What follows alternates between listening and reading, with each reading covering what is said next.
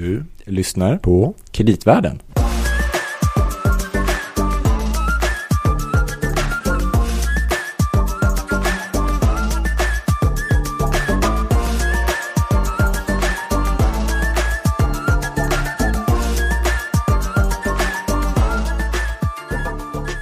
Kreditvärlden alltså. Med Gabriel och Louis. Ja, precis. Eh, det är ju en podcast Mm. om kreditmarknaden, finansiella marknader och allt som påverkar dem. Ja, allting som därtill hör brukar Mm. vi säga. Mm, mm. Vi tänker oss också utifrån ett sorts analysperspektiv att vi vill göra lite bredare omvärldsanalyser. Mm. Eller hur Gabriel? Ja, exakt. Och vi har ju några gånger i den här podden genom åren eh, verkligen tagit både det väldigt långsiktiga och det hela globala perspektivet. Tittat på, och vi älskar ju risker, allting som kan gå fel i Ja, eller som, älskar risker. Ja, nej, just det. håller på med dem. Ja, precis. Ja. Förlåt, ja. Utan risker ingen kreditanalys. Men, eh, och då har vi ju använt oss av, en, eh, av Thomas Ris. Just det. Mm, som, eh, för att liksom verkligen få det här, vilka är de största riskerna på riktigt, höll jag på att säga. Mm. Mm. Han har lärt oss en hel del genom åren. Ja. Kan man säga. Och nu är det väl ett, ett sånt läge med, eh, vi, vi rörde det lite kort i förra podden med, med, med kriget och vilka Mm. effekter det har på ekonomin och sådär. Precis. Men själva liksom de här händelserna som vi lever i nu. Om man ska- Jag tror att vi skulle behöva få mer hjälp av Thomas. ja, Håller du med? ja, det vore ju fantastiskt om det gick. Ja. Thomas, är du med oss? Ja men visst jo, det ska vi göra. Vilken Vill grej, fantastiskt. Jo. Underbart. Trevligt Nej, men eh, tack för att du ville komma tillbaka till oss. Absolut, det är alltid roligt och spännande. Vi har gjort många uppskattade avsnitt av dig. Och jag vet att många äl- älskar att lyssna på Hoppas vad du det. har att säga. Mm. Och ibland en och annan profetia kan det vara också som du kommer med. Som man kan Säkert, utvärdera. Jag tänkte just på det här att om man, om man kommer med tillräckligt många dystra prognoser så brukar ju en eller två slå, slå ut. Ja, tyvärr är det väl så att dina saker som du har tagit upp tidigare har ju nu besannats. Mm, några av dem ja. vi har ju pratat krig med dig och det var, sen var det ju väldigt tidigt på det här med pandemin. Jo. Eh, och även konstaterade, för att du var med förra gången eh, för ett par år sedan. Och då pratade, var vi ganska tidigt i pandemin och då pratade du om Mm. att du trodde att det skulle nog bli värre först något år och sen skulle det förbättrats. Men att det kanske inte behövde bli som det här allra dystraste scenariot Mm. som man höll på med mycket med de här katastrofscenarierna då. Det känns som att du hade ganska bra koll där på vad som skulle ske faktiskt. Jag hade nog inte så mycket koll men någon slags instinkt och tur. ja, ja, erfarenhet kanske. Kanske ja. Mm. Mm. Ja, oavsett så är vi väldigt glada att du är tillbaka. Och om någon inte har lyssnat på dig förut så ska vi också säga att du är docent i strategi och säkerhetspolitik vid Försvarshögskolan. Jo, nypensionerad men jag jobbar ännu deltid med dem och jag jobbar ännu på heltid med säkerhet och strategi. Och det är vi glada för i alla fall. Tack. Mm. Men om man mm, skulle börja med det här Ryssland, Ukraina och eh, ta ett steg tillbaka kring. Det har ju varit lite diskussion kring vad det här Rysslands invasion av Ukraina var den väntad eller oväntad? Vad säger man som en, du, en person som du? Vad säger man då? Jo och nej, jo och nej. Alltså saken är ju den att de börjar bygga upp deras styrkor längs med Ukrainas gräns under nästan hela eh, 2021. Mm. Och vi som hade sysslat med, alltså vi riktigt gamla som jag som hade sysslat med Sovjet och sen de som har tittat på ryska militärmakten. eh, vi räknar ju med att, att det här ser väldigt farligt ut. Och sen när Putin kom med sina krav, för det var krav i Mm. december, Mm. där han sa att, eh, och det var till USA, det var inte till någon annan, utan att eh, NATO-utvidgning måste stoppas och, och Ukraina får absolut inte, inte gå med i NATO och de som är med i NATO måste begränsa deras vapen och så vidare. När han kom med de kraven så visste han nästan helt säkert att vi skulle säga nej.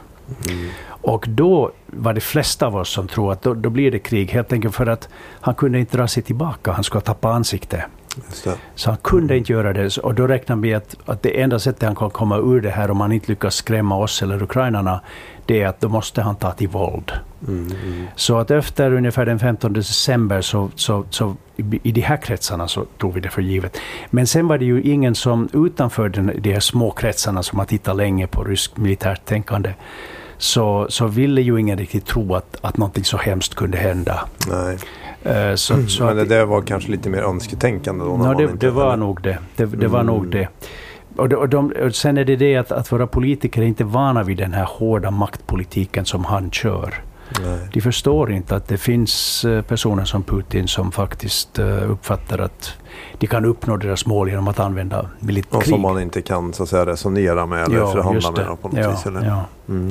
Och det är ju klart, en diktator som Putin, han, han kan inte lida ett nederlag. Och hade han dragit sig tillbaka efter att vi, vi inte gick, äh, accepterade hans krav i december, då hade det varit ett nederlag. Särskilt efter att han hade använt ett helt år med en mycket, mycket offentlig styrkeuppbyggnad längs med Ukrainas gränser. Massor med ryska trupper som var där. Man räknar med cirka 120 000 i januari som var längs med gränserna. Ehm, då hade det varit ett enormt nederlag om man sen hade dragit dem tillbaka och inte hade nått sina mål. Ja, just det. Och de här som, det finns väl en del som hävdar kanske att man så att säga trängt in i Ryssland i den här situationen. Att så att säga varit västs expansion som har gjort att man upplever att man måste så att säga försvara sig. Hur tänker du kring den, det resonemanget? Jo, alltså, alltså det är ju det, det, det Putinkretsens narrativ. Mm. Är just precis det. Att um, väst är så hotfullt. Mm. De har gång på gång under de senaste århundraden blivit invaderade från uh, allt från Magnus Lagarde till uh, Karl XII och sen Napoleon och sen Hitler. Så de, är, så de uppfattar att Västeuropa kan bli farligt när som helst. Och det nästa sen är att de uppfattar att NATO-utvidgningen uh, var bara att vi flyttar fram frontlinjerna. Och alla de här färgrevolutionerna var underrättelsetjänster som organiserar eller, eller avlägsnar Rysslands vänliga regimer. Mm. Och sen att vi krigar när vi vill, allt från Balkan till Libyen och så vidare. Så, och särskilt liksom storskaliga krig som när USA gick in i Irak två gånger faktiskt. Mm. Så att, så att ur deras perspektiv har de byggt upp ett narrativ att vi är väldigt farliga och vi är ute efter att, att förinta Ryska federationen. Mm. Eh, och de, de kan bygga upp ett väldigt trovärdigt scenario ur det här.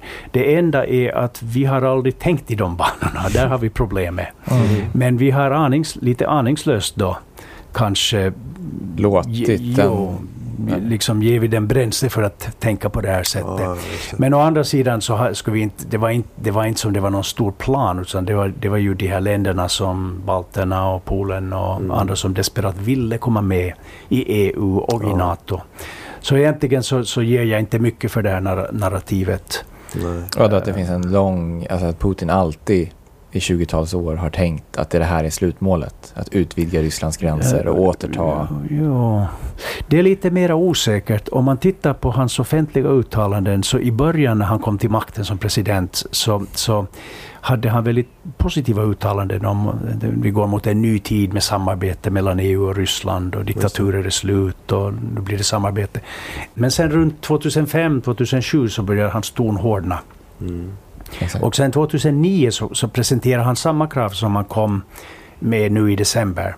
Men då var det inte krav, utan då, då, då, då sa han att vi, vi, måste omförhandla den europeiska säkerhetsordningen, alltså vi känner oss otrygga. Och då, då ville han just samma sak, mm. att NATO ska inte utvidgas längre och så vidare. Men då avlägsnar vi det, vi avfärdar det, för det, det, går så, det går mot våra djupaste instinkter. Att varje land ska få själv bestämma om sin utrikes och säkerhetspolitik. Och man ska inte skapa intressesfärer där små länder behandlas som, som pjäser i ett schackspel. Ja, så det gick djupt, så vi avfärdade det. Och sen långsamt sen dess så har liksom Putins ton hårdnat mer och mer. Mm. Uh, och också Ryssland har ju blivit mindre och mindre öppet och liberalt, alltså förtrycket mm. internt. Så han har, han har glidit bakåt mot att bli en allt mer auktoritär och, och hård, hänsynslös diktator. Mm. När, när, du har varit eh, och besökt oss tidigare så, har du, så pratade vi lite grann faktiskt om Putin och du lyfte ju att han, det är ett hot mot externt. Att han är beroende av externa fiender mm, för att ja. behålla sin ja. legitimitet och eh, sina höga opinionssiffror om det nu finns någon man kan lita på då. Mm. Så att egentligen fanns det väl lite korten där också. Du sa mm, att vi be kommer behövas mm. en ny extern fiende snart. Men det här är kanske på en annan nivå än Jo, alltså det, men det, det, det, stämmer. Alltså i början, de här ska vi säga, första åtta åren av han, när han var i makten, så då red han på att, att han hade återskapat ordning i Ryssland. Alltså 90-talet var så fruktansvärt. Mm. Eh, Slutet av 90-talet började det bli bättre förrän han kom till makten ekonomiskt och då började Mm. liksom det rulla. Men när han kom så han, han återskapade inte lag, men han återskapade ordning. Mm. Och löner betalades ut igen och liksom sjukhus fungerade och så vidare. Så att, så att i början så associerar ryssarna honom med att aj, tack och lov, nu har det kommit någon som igen har återskapat en, en normal vardag. Men sen när han kom tillbaka till makten 2012, då hade ju oljepriserna rasat 2010 och ehm, då så, så började... Då hade samhället glömt hur illa det var på 90-talet. Och Då började man märka mer att levnadsstandarden sjönk, ekonomin sjönk. Och då började ju också det här gapet mellan rika och fattiga, i, Mm. eller rika och medelklassen i Ryssland att växa. Och medelklassen som hade vuxit fram de första tio åren, den började försvinna. Och det därefter, så, börjar, så om man tittar på opinionsmätningarna nu, så ser man att en allt större del av ryska befolkningen är missnöjda med deras eh, levnadsvillkor. Och nu, jo, så börjar han behöva en extern fiende. Det. Och det, har, det som vi har sett är att, att eh, när det inte finns en extern fiende, då sjunker långsamt hans... Som i en demokrati, de som styr liksom på sikt så långsamt går stödet ner. Men sen har han ett nytt äventyr, Syrien, och då skjuter det upp till 80 procent stöd igen. Och så går det långsamt ner 60-40 procent. Och så kommer det ett nytt krig. Men i det här tillfället kan det bli annorlunda. Det får vi sen se Mm. hur det här utvecklas. Men för tillfället har han fullkomlig informationsdominans, men det kommer att vittra sönder. Och det här kriget, det kommer vi säkert till. Det hade inneburit så många katastrofer för Ryssland. Mm. Men exakt, för att om vi går vidare med, om, då, då kommer vi fram till ungefär att ja, men det kanske inte var helt på sätt och vis oväntat då i alla fall att de Mm. gjorde den här invasionen. Om man sen tänker på nästa steg, hur det har gått sen kriget hittills och vad som händer får vi naturligtvis se. Men skulle du säga då att den här utvecklingen har varit ungefär som väntat? Eller mer Nej. oväntat? Nej, det är just det att det har varit eh, väldigt oväntat. Mm. Alltså det var, det var ju de, de som sysslar med att titta nära på Kreml och, och Rysslands militär och så vidare. Så att kriget utbröt var inte oväntat. Men sen blev de flesta hade fel. Mm. Ehm, både i underrättelsevärlden som har tillgång till hemliga underrättelser och, och vi som sitter utanför. Trodde man på ett väldigt snabbt förlopp då? eller? Ja, man trodde det. Mm. Jo. Man, allmänt tänkte man att ukrainarna står inte en chans när ryska mas- militärmaskinen sätter igång. Var det också det man trodde kanske i den europeiska kontexten? Alltså, eller är det det som ryss... Alltså var vi överens där? Vad, vad, trodde, vad trodde man i Bryssel? Om?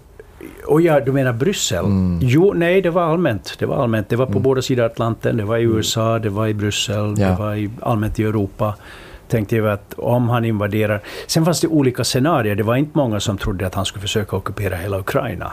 Ja, För att även om han skulle lyckas med det, vad gör man sen när man, när man har 44 miljoner ukrainare som hatar en? Hur ska man få ett, någonting att fungera? Nej. Så att, så att vi... Så det var sydöstra Donbass? Jo, eller det, fanns, det var olika scenarier som trappades upp, men det, det, det, det lägsta scenariet kan vi säga, det var just det som vi ser nu, att han skulle försöka ta kustremsan mellan ryska gränsen och, och Krim. Ja, just det. Ehm, det var det, ett slags minimiscenario. Och sen ett annat scenario som man kopplade till det här var att han skulle kanske med fjärrvapen försöka bomba sönder allt det som ukrainarna hade av, av militär organisation. Mm. Så högkvarter och lager och allt. Och liksom krossa det ukrainska försvaret med fjärr, fjärrmissiler. För då tänkte man det här är liksom sånt som han kan klara militärt. Och sen nästa steg upp var just det här med Kiev. Att han försöker ta Kiev och installera en, en marionettregering där. Mm. Ehm, och sen nästa steg upp var att han sen försöker ta kanske hela östra Ukraina eller något sånt. Mm. Eh, så, så det berodde lite på scenarierna. Men, men i, i nästan alla scenarier trodde man att han nog skulle lyckas militärt. Att han skulle lyckas slå ut den organiserade eh, försvaret. Ukrainas organiserade försvarsmakt. Mm. Och sen efteråt tänkte man då blir det gerillakrig. Ukrainarna Ja, går till... Men, men det kan liksom ryssarna mer eller mindre hantera. Mm. På kort sikt i alla fall. Eh, Men där, hade vi, där, där blev alla överraskade. Alltså det gick så Ja. otroligt. Alltså den ryska militärinvasionen gick så dåligt. Det, var, det gick så dåligt.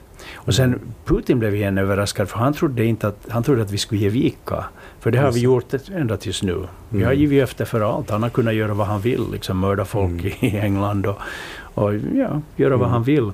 Och sen plötsligt så, så stod Europa, både EU och NATO, emot honom. Mm. Och det var lite oväntat kanske? Och det var nog för Mm. honom väldigt oväntat. Och det, det betydde också nu att hela, han hade ju en enorm informationskampanj på gång mot väst. Mm. Där han, liksom, han försökte undergräva väst på alla sätt och Ja, vis. det. Um, och den har fullkomligt rasat nu, för att Mm. vi ser ju på tv-skärmarna vad han gör. Så att uh, den har... Han har Och alla de som har liksom varit lite Rysslands vänner har ju fått Mm. backa tillbaka ja, med angående sin vänskap med Putin. Inget som är någon fördel längre kanske. Just. Precis. Och sen också särskilt inte minst med, med sanktioner. Mm. Så här har han då skapat en situation där, där, det här vet ni bättre än jag, men där man räknar med att Rysslands ekonomi kommer att krascha i princip. Mm. Och sen när den gör det, det är lite... lite Men den har inte kraschat än i alla fall. Nej. De har hållit upp eh, bank trots Ja. sanktioner mot centralbanken. Så håller banksystemet igång, haltar fram. Just det. Så som ekonomin verkar göra också. Jo, och, Putin räknar väl med att, ehm, att det spelar ingen roll för att han sitter på de här enorma naturresurserna och på sikt så kommer världen att behöva dem. Så att även om det blir en Mm. del hårda år. Problemet för honom blir när, när levnadsvillkoren för den ryska befolkningen drabbas. Mm. Mm. Och när det, när de, det, tydligen har det redan börjat, men att när det riktigt biter, man tror om kanske en fyra veckor, Mm. eh, då kan, då kan det missnöjet bland den ryska befolkningen växa enormt. Mm. Men kommer de rikta det mot honom då, så att säga? No, just det. Alltså, alltså, han har ju en enorm propagandaapparat som just nu skyller allt på oss. Men eh, frågan är hur länge han kan hålla det här informations... det här falska spelet på gång. Mm. För att eh, tills vidare så, så hör man ju det här historien att, att man kan ha en, en, en rysk pappa som talar med sin, sin son som är gift i Ukraina, som bor i Mm. Ukraina. Och som helt enkelt inte tror på sonen när han berättar att eh, städerna är sönderbombade. Och det. Så att tills vidare så går det, men på sikt så räknar man med att det går inte att i dagens värld att, att hålla den här enorma Putins enorma lögn om vad som händer i Ukraina att fortsätta, att, att den, den kommer inte att vara trovärdig på sikt bland den ryska befolkningen. Nej. Men för tillfället så är det väldigt många som ännu tror på det. Men vad händer då? då? För jag menar, eh, han har ju ändå sin privata armé och så vidare. Är han möjlig att avsätta? Ja. Eller det känns svårt eller? Just det, då kommer vi dit. Alltså, en sak som jag också måste nämna sen, att när, när antalet stupade ryska soldater Mm. börjar bli uppenbart för ryssarna, då kommer de att börja undra varför dog, var det värt Mm. det liksom? Varför Ja. dog de? Ehm, så, så, jo, men sen som liksom regimbyte i Ryssland, det som man tror, och nu blir det väldigt spekulativt, att när två saker sammanfaller, då, då kan han sitta löst. Och det ena är när, när de ledande skikt, skikten i Ryssland börjar uppfatta att han har gjort för många misstag, han har skadat Ryssland för mycket, Mm. att, att det vore bättre att få en annan chef. Mm. Och det är alltså inte hans närmaste krets, för de är, de är väldigt... Ja, de är superlojala. från eh, Ja. Sankt Petersburg allihop från hans tid. Jo, det är hans liksom, närmaste Mm. krets och de är ide- ideologer, Mm. närmast fanatiska ideologer. Och sen en del av dem är oligarker som är så nära knutna till honom, de kan inte komma loss. Nej. Men nästa skick ner, de som är cheferna för underrättelsetjänsterna, inrikesstyrkorna, polisen, försvaret. På den nivån så kan det uppstå eh, ett missnöje med honom, eller misstro. Eh, men det räcker förmodligen inte, för han har ju en fruktansvärt stark säkerhetsapparat. Mm. Så att om det, först sen när, när om en stor del av den ryska befolkningen också blir missnöjda med honom och börjar få, när, när de börjar få veta sanningen om kriget och det sammanfaller med att det kommer väldigt många ryska döda pojkar tillbaka och att, det, att, att levnadsvillkoren har blivit riktigt illa. Då, den kombinationen av en, en bred folkligt missnöje med att ett toppskikt i ledningen börjar uppfatta att han, inte, han sköter inte Ryssland bra. Då kan det hända hända. att det Mm. blir ett kuppförsök. Men som sagt, han har en stark säkerhetsapparat. Mm. Så alternativet, om, det, om han inte byts ut på den här kursen som han är på nu, är att, att, att Ryssland går allt mer mot ett slags Nordkorea-situation. Mm. Så det tar tid att bli så dåligt. Men, Mm. men att han kommer att då tvingas att bli allt mer auktoritär. Mm. Och det betyder i sin tur att det blir allt mer ineffektivt. Mm. Mm. Men även hotfullt mot externa Jo, världen i ett, ett sånt scenario antar jag. För då Ja, kan precis. man även eh, ta till... eh, Men båda de här scenarierna kräver väl nästan att, att, man, att man också slutar köpa rysk gas och olja. Att, alltså det händer någonting lite dramatiskt. Jo. Eh, Och- Men det, nej, det gör inte det för att, för att nedgången i, i medborgarnas levnadsvillkor eh, kommer nog att fortsätta även om vi fortsätter att köpa olja och gas. Men det är klart att olja och gasköpen är ju den stora grejen. Alltså det, vi fortsätter med det och det finansierar egentligen Rys, Putins krig och, och Ryssland. Så länge vi gör det. Men du, så du har helt rätt. Alltså om vi skulle sluta Eh, köpa rysk olja och gas, eh, ja då, då skulle Ryssland riktigt sitta illa till och Putin riktigt illa till. Men oavsett egentligen så så menar du att det finns en risk, chans att Putin får gå och lämna Jo, jag tror det inom finns... inte allt för eller liksom. Inom, ja, om ungefär två månader tror jag att det finns nu. Det här får vi sen testa. Som, sagt, jag är Wow. Ja, men du kommer ju tillbaka till podden då och då så vi kan ju bara utvärdera nästa gång. Det Ja, det. vi, vi får se, ni, ni får sen skämma, skämma ut mig. Men, men, man måste ju titta framåt. Mm. Jag skulle säga att det är en stor chans att om ungefär två månader så kan det ha blivit regimbyte i En viktig Moskva. brytpunkt då i alla fall. Viktig brytpunkt då i alla fall. Jo, möjligt. Mm. Men vi får se. Och om det inte blir det så kommer han, precis som du sa Louis, då kommer han att bli mycket farligare. Ja. För att om man går över till det då och tänker vidare kring, givet då ett instabilt Ryssland i alla fall. Eh, hur ska vi se på liksom, för vår försvarsförmåga om man tar här i Sverige och sen har vi ju vårt närområde. Vi har Finland och vi har ju Baltikum. Mm. Hur, liksom, vad är status tycker du? Jo. Nå, den generella trenden som vi ser nu är att, att vi, vi har redan tagit ett kliv tillbaka mot kalla kriget. På det sättet att eh, hela, tidigare så var det ju väldigt stora delar av NATO som inte trodde att det kunde bli krig i Europa, så det var inget behov att... Du sa ju till oss någon gång när du var här att vi har gått från, då, då, då hade vi gått från kalla kriget till en het fred. Ja, ja. Och nu går vi tillbaka till kalla kriget igen. Jo, om vi lyckas hålla det kallt, jo. Men, men på det sättet som vi ser nu att nu, jag menar Tyskland har ju gjort en hel omsvängning när det gäller eh, Ryssland. Ja, Visserligen köper de ännu olja och gas, men, men de har gjort en hel omställning. de har insett att eh, förhandlingar och så vidare, det ska man Jo, inte tänka jo de har på. insett just att... att jag, jag tror det är en känsla av att Putin har lite ändrat karaktär också. Mm. Och att det, är det här är inte samma Putin som vi hade för 15 år sedan. Det. Men i alla fall, det här med kalla kriget. Hela NATO har nu eh, ändrat kurs så att de inser att nu finns det en riktig fara för eh, ryskt angrepp mot NATO. Mm. Eh, Så då ser vi ju att de förstärker, och det, och det går också från USA. USA hade ju ganska mycket avfärdat krig i Europa sagt att nu prioriterar vi Asien och Kina. Mm. Eh, Men nu har USA och NATO börjat skicka mera trupper, förstärkningar till gränsländerna, balterna, Rumänien. Eh, Och sen så, så börjar nu NATO helt att, att ändra kurs också. Så att, och det betyder igen att, att på båda sidorna av gränsen så, så, blir, så har man mera försvarsförberedelser, det blir mer spänt, det blir mer hot, hotfullt. Mm. På det sättet går vi lite tillbaka mot ett kallt krig.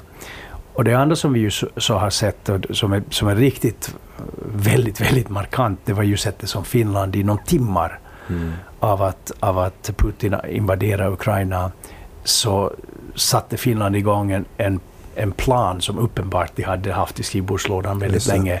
Att liksom 100% svänga, nu ska vi söka NATO-medlemskap. Mm. Som de nu förverkligar i väldigt stort kra- fart och väldigt effektivt. Mm. Just det. Och du menar de senaste veckornas liksom diskussioner och, och utspel och hit och dit i Finland. Det, var, det är egentligen mer en process.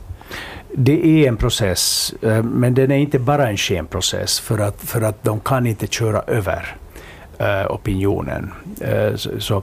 Men det som vi har sett är att det, det tog en vecka från att Finland Alltså några timmar efter att Putin invaderade Ukraina, då meddelade Finlands president och sen statsministern att nu måste vi allvarligt tänka på NATO-medlemskap. Mm. Mm.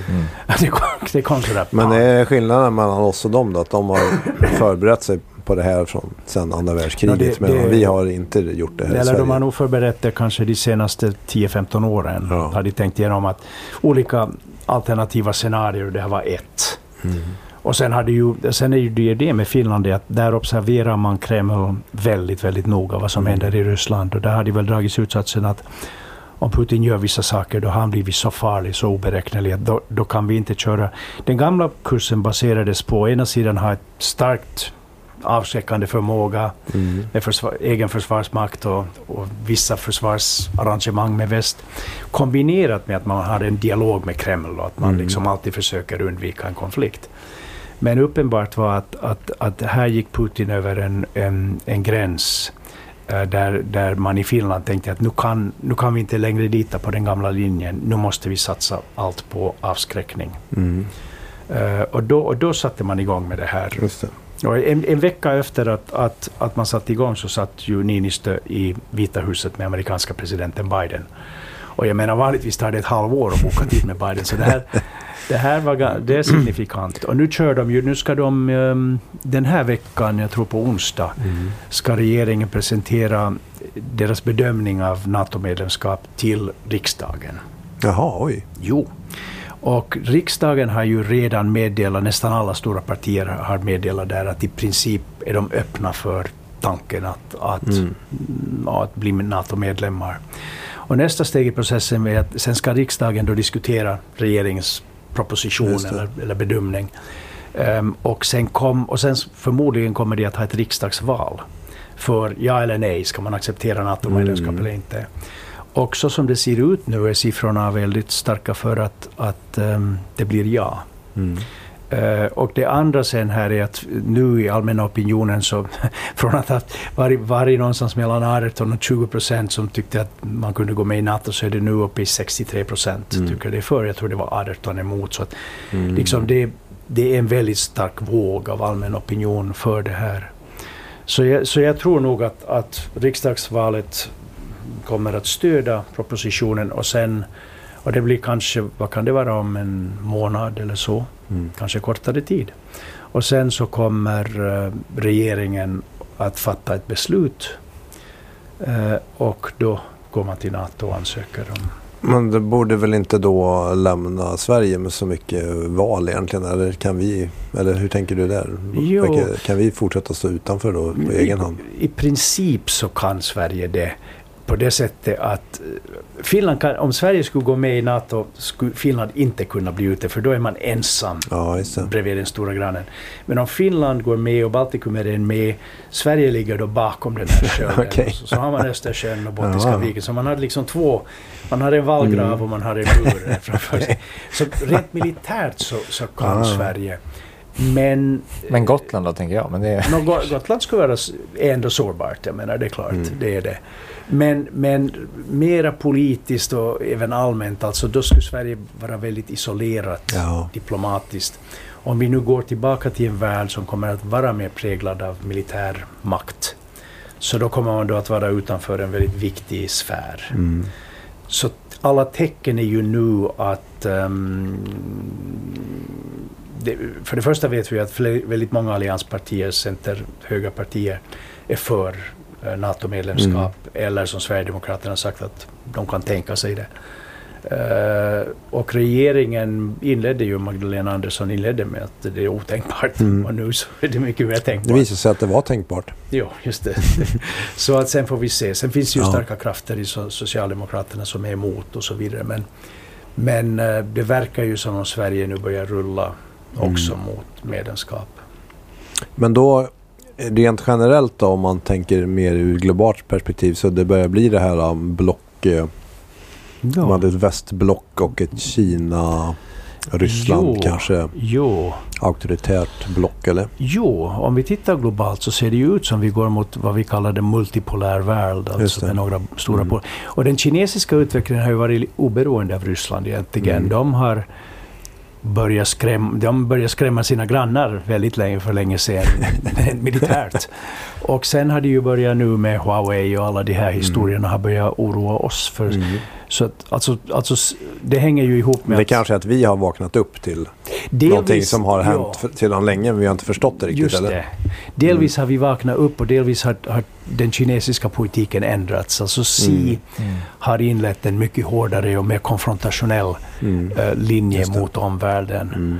Eh, Så att det, hänger lite, det häng- hänger ju väldigt mycket ihop med ledningen. Om, om Xi och Putin och eller Putin byts ut så kanske vi går mot en lugnare värld igen. Mm. Men just nu ser det inte så ut. I Kina menar du? Nej. Nej, nej. Och Xi har ju som Putin en stark mm, säkerhetsapparat. Fast jag är ju inte Kina-kännare, men, men jag talar med dem och det verkar ju som det finns ändå en, en, en bland ledningsskiktet i Kina finns det också en opposition till, Mm. till Xi som är tillräckligt stark så att han inte kan eliminera dem. De finns Det- där. Mm. Men summa summarum, jag tror du har rätt. Om, om nuvarande trender fortsätter, då, då går vi mot en mer multipolär värld. Mm. Och då är vi inne på det här nu apropå det här med stigande inflation och sådana här spännande saker som vi sitter och tittar på om dagarna. Så man kan ändå tänka sig att det är den här trenden med kanske företag eh, tar hem säker produktion mer på hemmaplan och man kan även kanske tänka sig att konsumenter blir mer man kanske inte vill köpa alltid saker från vissa länder och sånt Mm. där eventuellt då. Så det skulle tala för är ju egentligen att den höga inflationen borde kanske bestå. För att om man ska producera mer lokalt så kommer det gissningsvis att kosta mer pengar. Plus att vi redan idag ser problem med logistikkedjor bara av det här med Ukraina-Ryssland. Man trodde att de var inte så stora i ekonomin. Det kan inte spela så stor roll. Och sen kommer det massor med komponenter som vi inte visste om som tillverkas i något av de här länderna. Och så blir det störningar i de här kedjorna, eller hur? Ja, precis. Jo. Vi har ju flätat ihop eh, produktion och marknad så, så, så att det har blivit ett globalt, um, en, globalt nät. Mm. Och nu märker. Ekosystem. Vad sa? Ett ekosystem. Ja, jo, jo, ett komplext ekosystem. Ekonomiskt, Mänskligt system. ja, ett mänskligt det- ekosystem. ett ekonomiskt och tekniskt ekosystem och socialt också. Ja. Men nu märker vi ju nu när vi inför de här hårda sanktionerna mot Ryssland ehm, hur otroligt komplext det här och hur Mm. många bitar av det här ekosystemet som vi inte var medvetna om. Nej, exakt. Eh, Vissa var ganska uppenbara men sen dyker det upp tonvis med detaljer.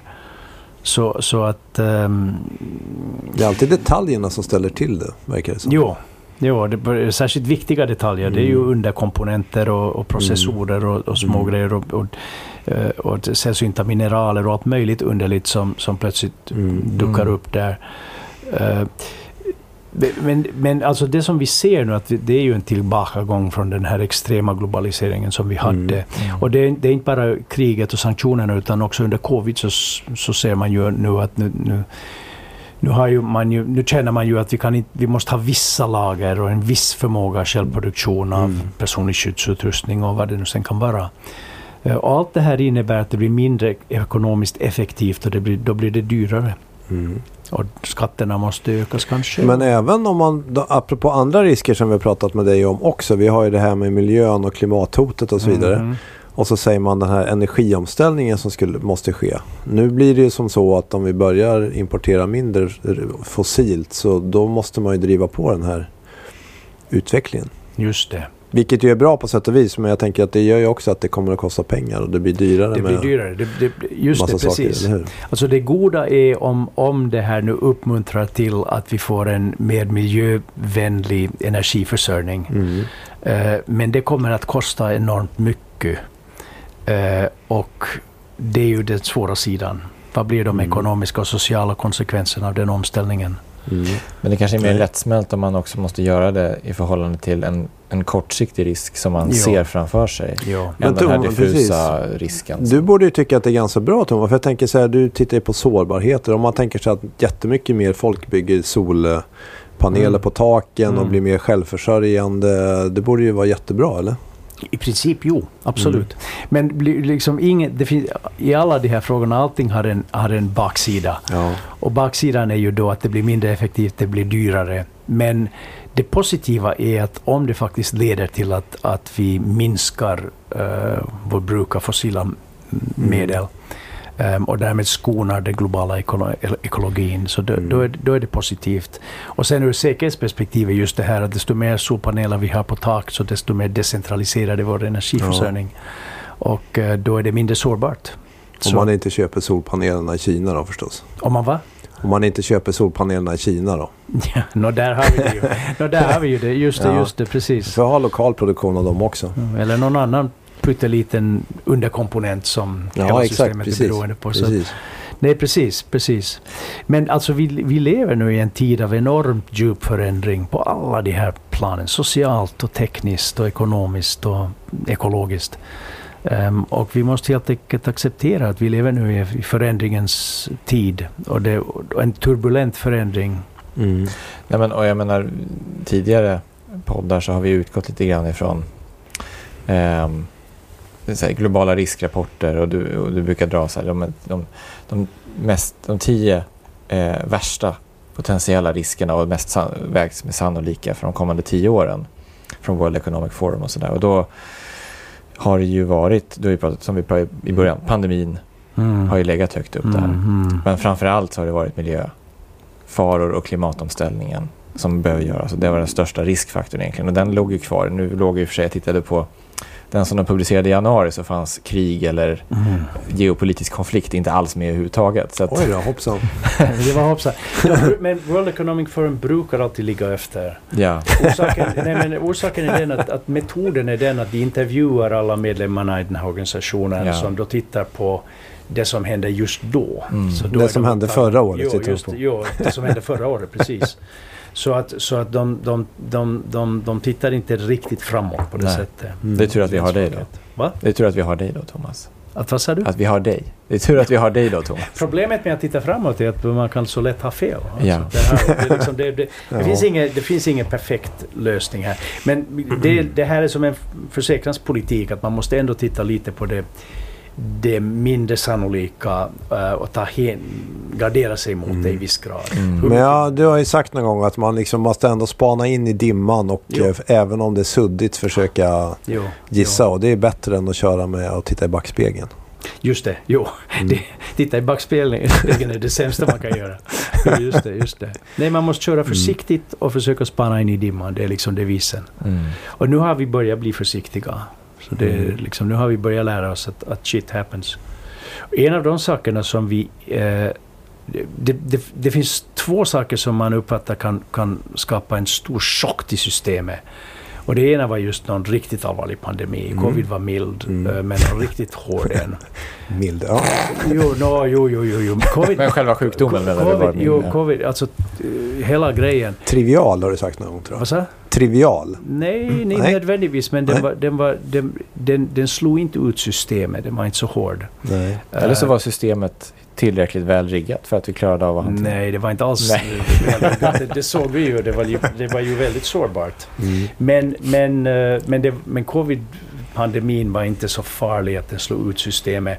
Så, att, så att därför är jag väldigt tacksam till den, för den har varit en oerhört viktig väckarklocka. Mm. För det finns hemskare pandemier där ute.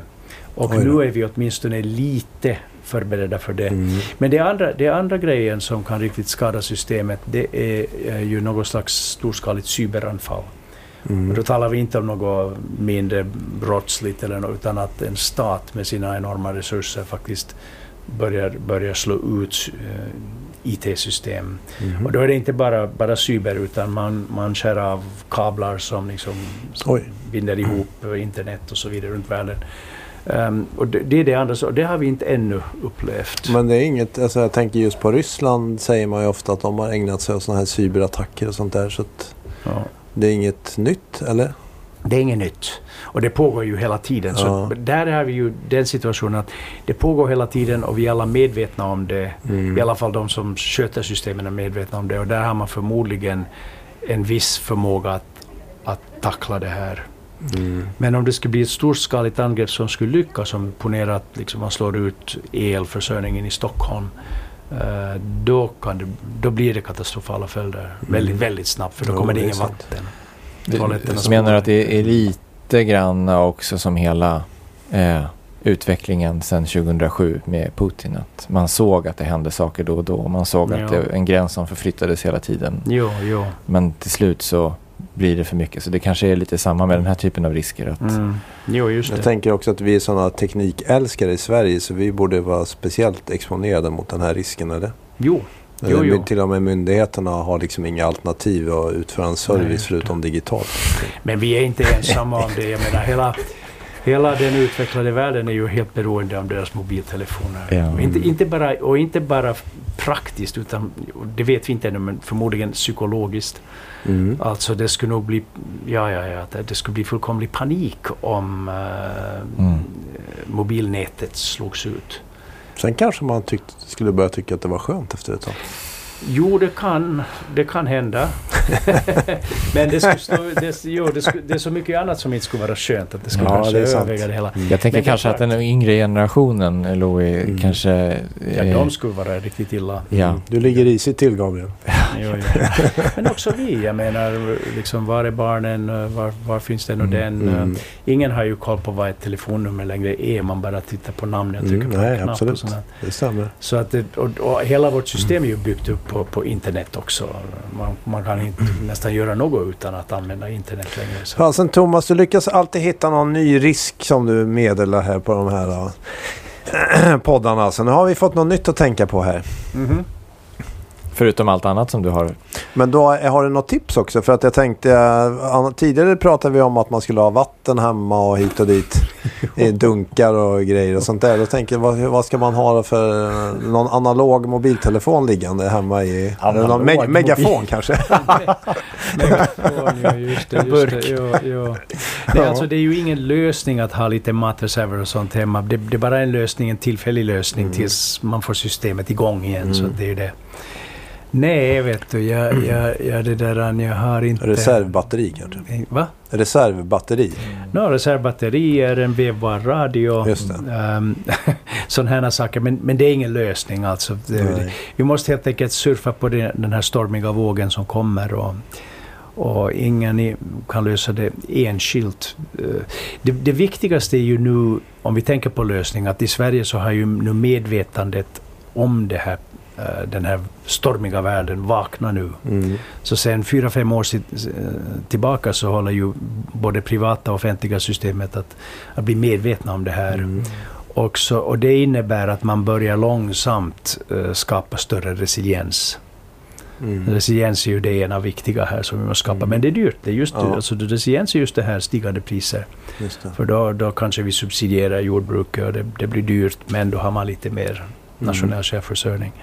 Ehm, och det andra sen är snabb anpassningsförmåga. Och där är ju näringslivet väldigt bra. Ni är snabba. Mm. Jag tittar på den här filmen Margin Call. Just Ja. det. Och det Mm. finns den där fantastiska scenen. Det, det är fantastiskt egentligen om man tänker på krishantering.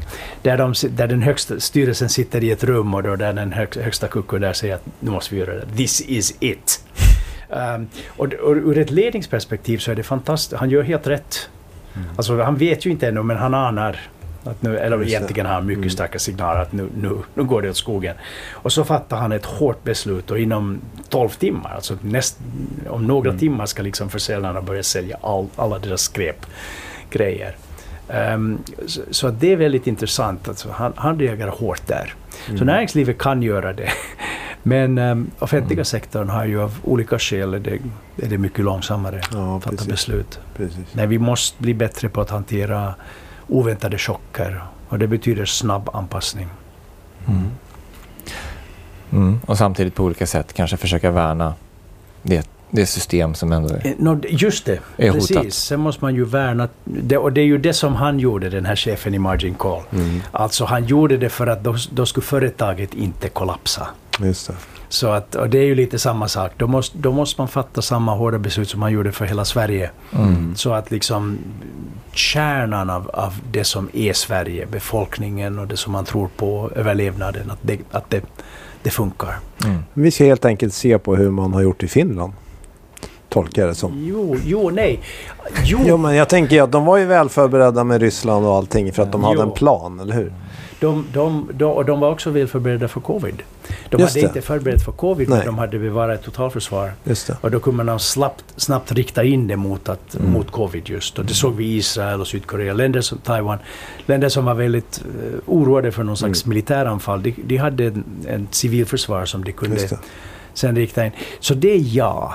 Men sen finns det en annan grej. Att, alltså Finland är och, och sen naturligtvis det här Finlands eh, 180 graders kursomvändning mot NATO-medlemskap. Det, det tyder på en mycket, mycket stark, eh, snabb anpassningsförmåga bland ledningen. Jo, men å andra sidan så Sverige är eh, socialt mera anpassningsbart. Mhm. Finland är, är mera, sitter fast i gamla rutiner Mhm. i sa, samhället stort, Mm. eh, som har en viss styrka. Men i Sverige, så efter man, eftersom Sverige har, har Sverige är kanske mer globaliserat än många länder, Mm. eh, där har man också en större flexibilitet när det gäller mentaliteten bland svenska medborgare.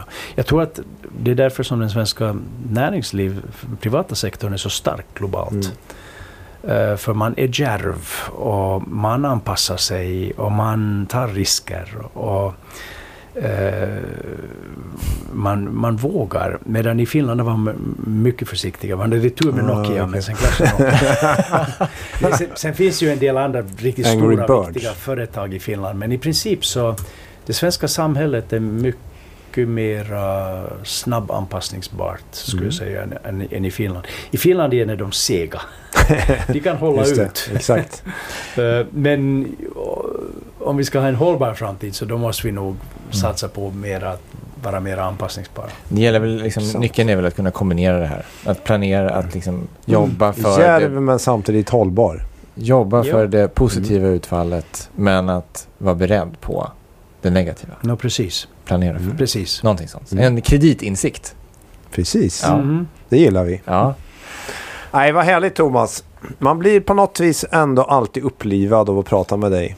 Trots att det gäller de här hemskheterna. Det är konstigt, eller hur Gabriel? mm. Sen är det ju så här också att ofta när vi pratar med dig så är våren på ingång. Ja, Och det är den också idag. det, Så är, det ger också lite hopp, tänker jag. det är verkligen... Jo, jo, det här är en underbar Mm. årstid. Mm. Kanske går vi ändå ljusare tider till mötes, Gabriel. det får vi hoppas. Nå, I alla fall tills oktober. Ja, okej. Ja. Jag ska inte Bra. fråga något mer, det tror jag. Ja, Mm. Bra. eh, stort tack Thomas. Tack själv. Och så återkommer vi framöver och utvärderar den här. Mm, så, kan ni, så kan vi se var, var mina prognoser gick fel. Precis. det.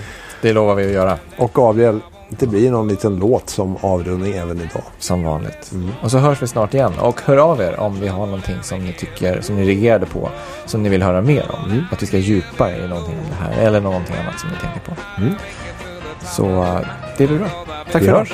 Hej! Hej då. Tack så mycket.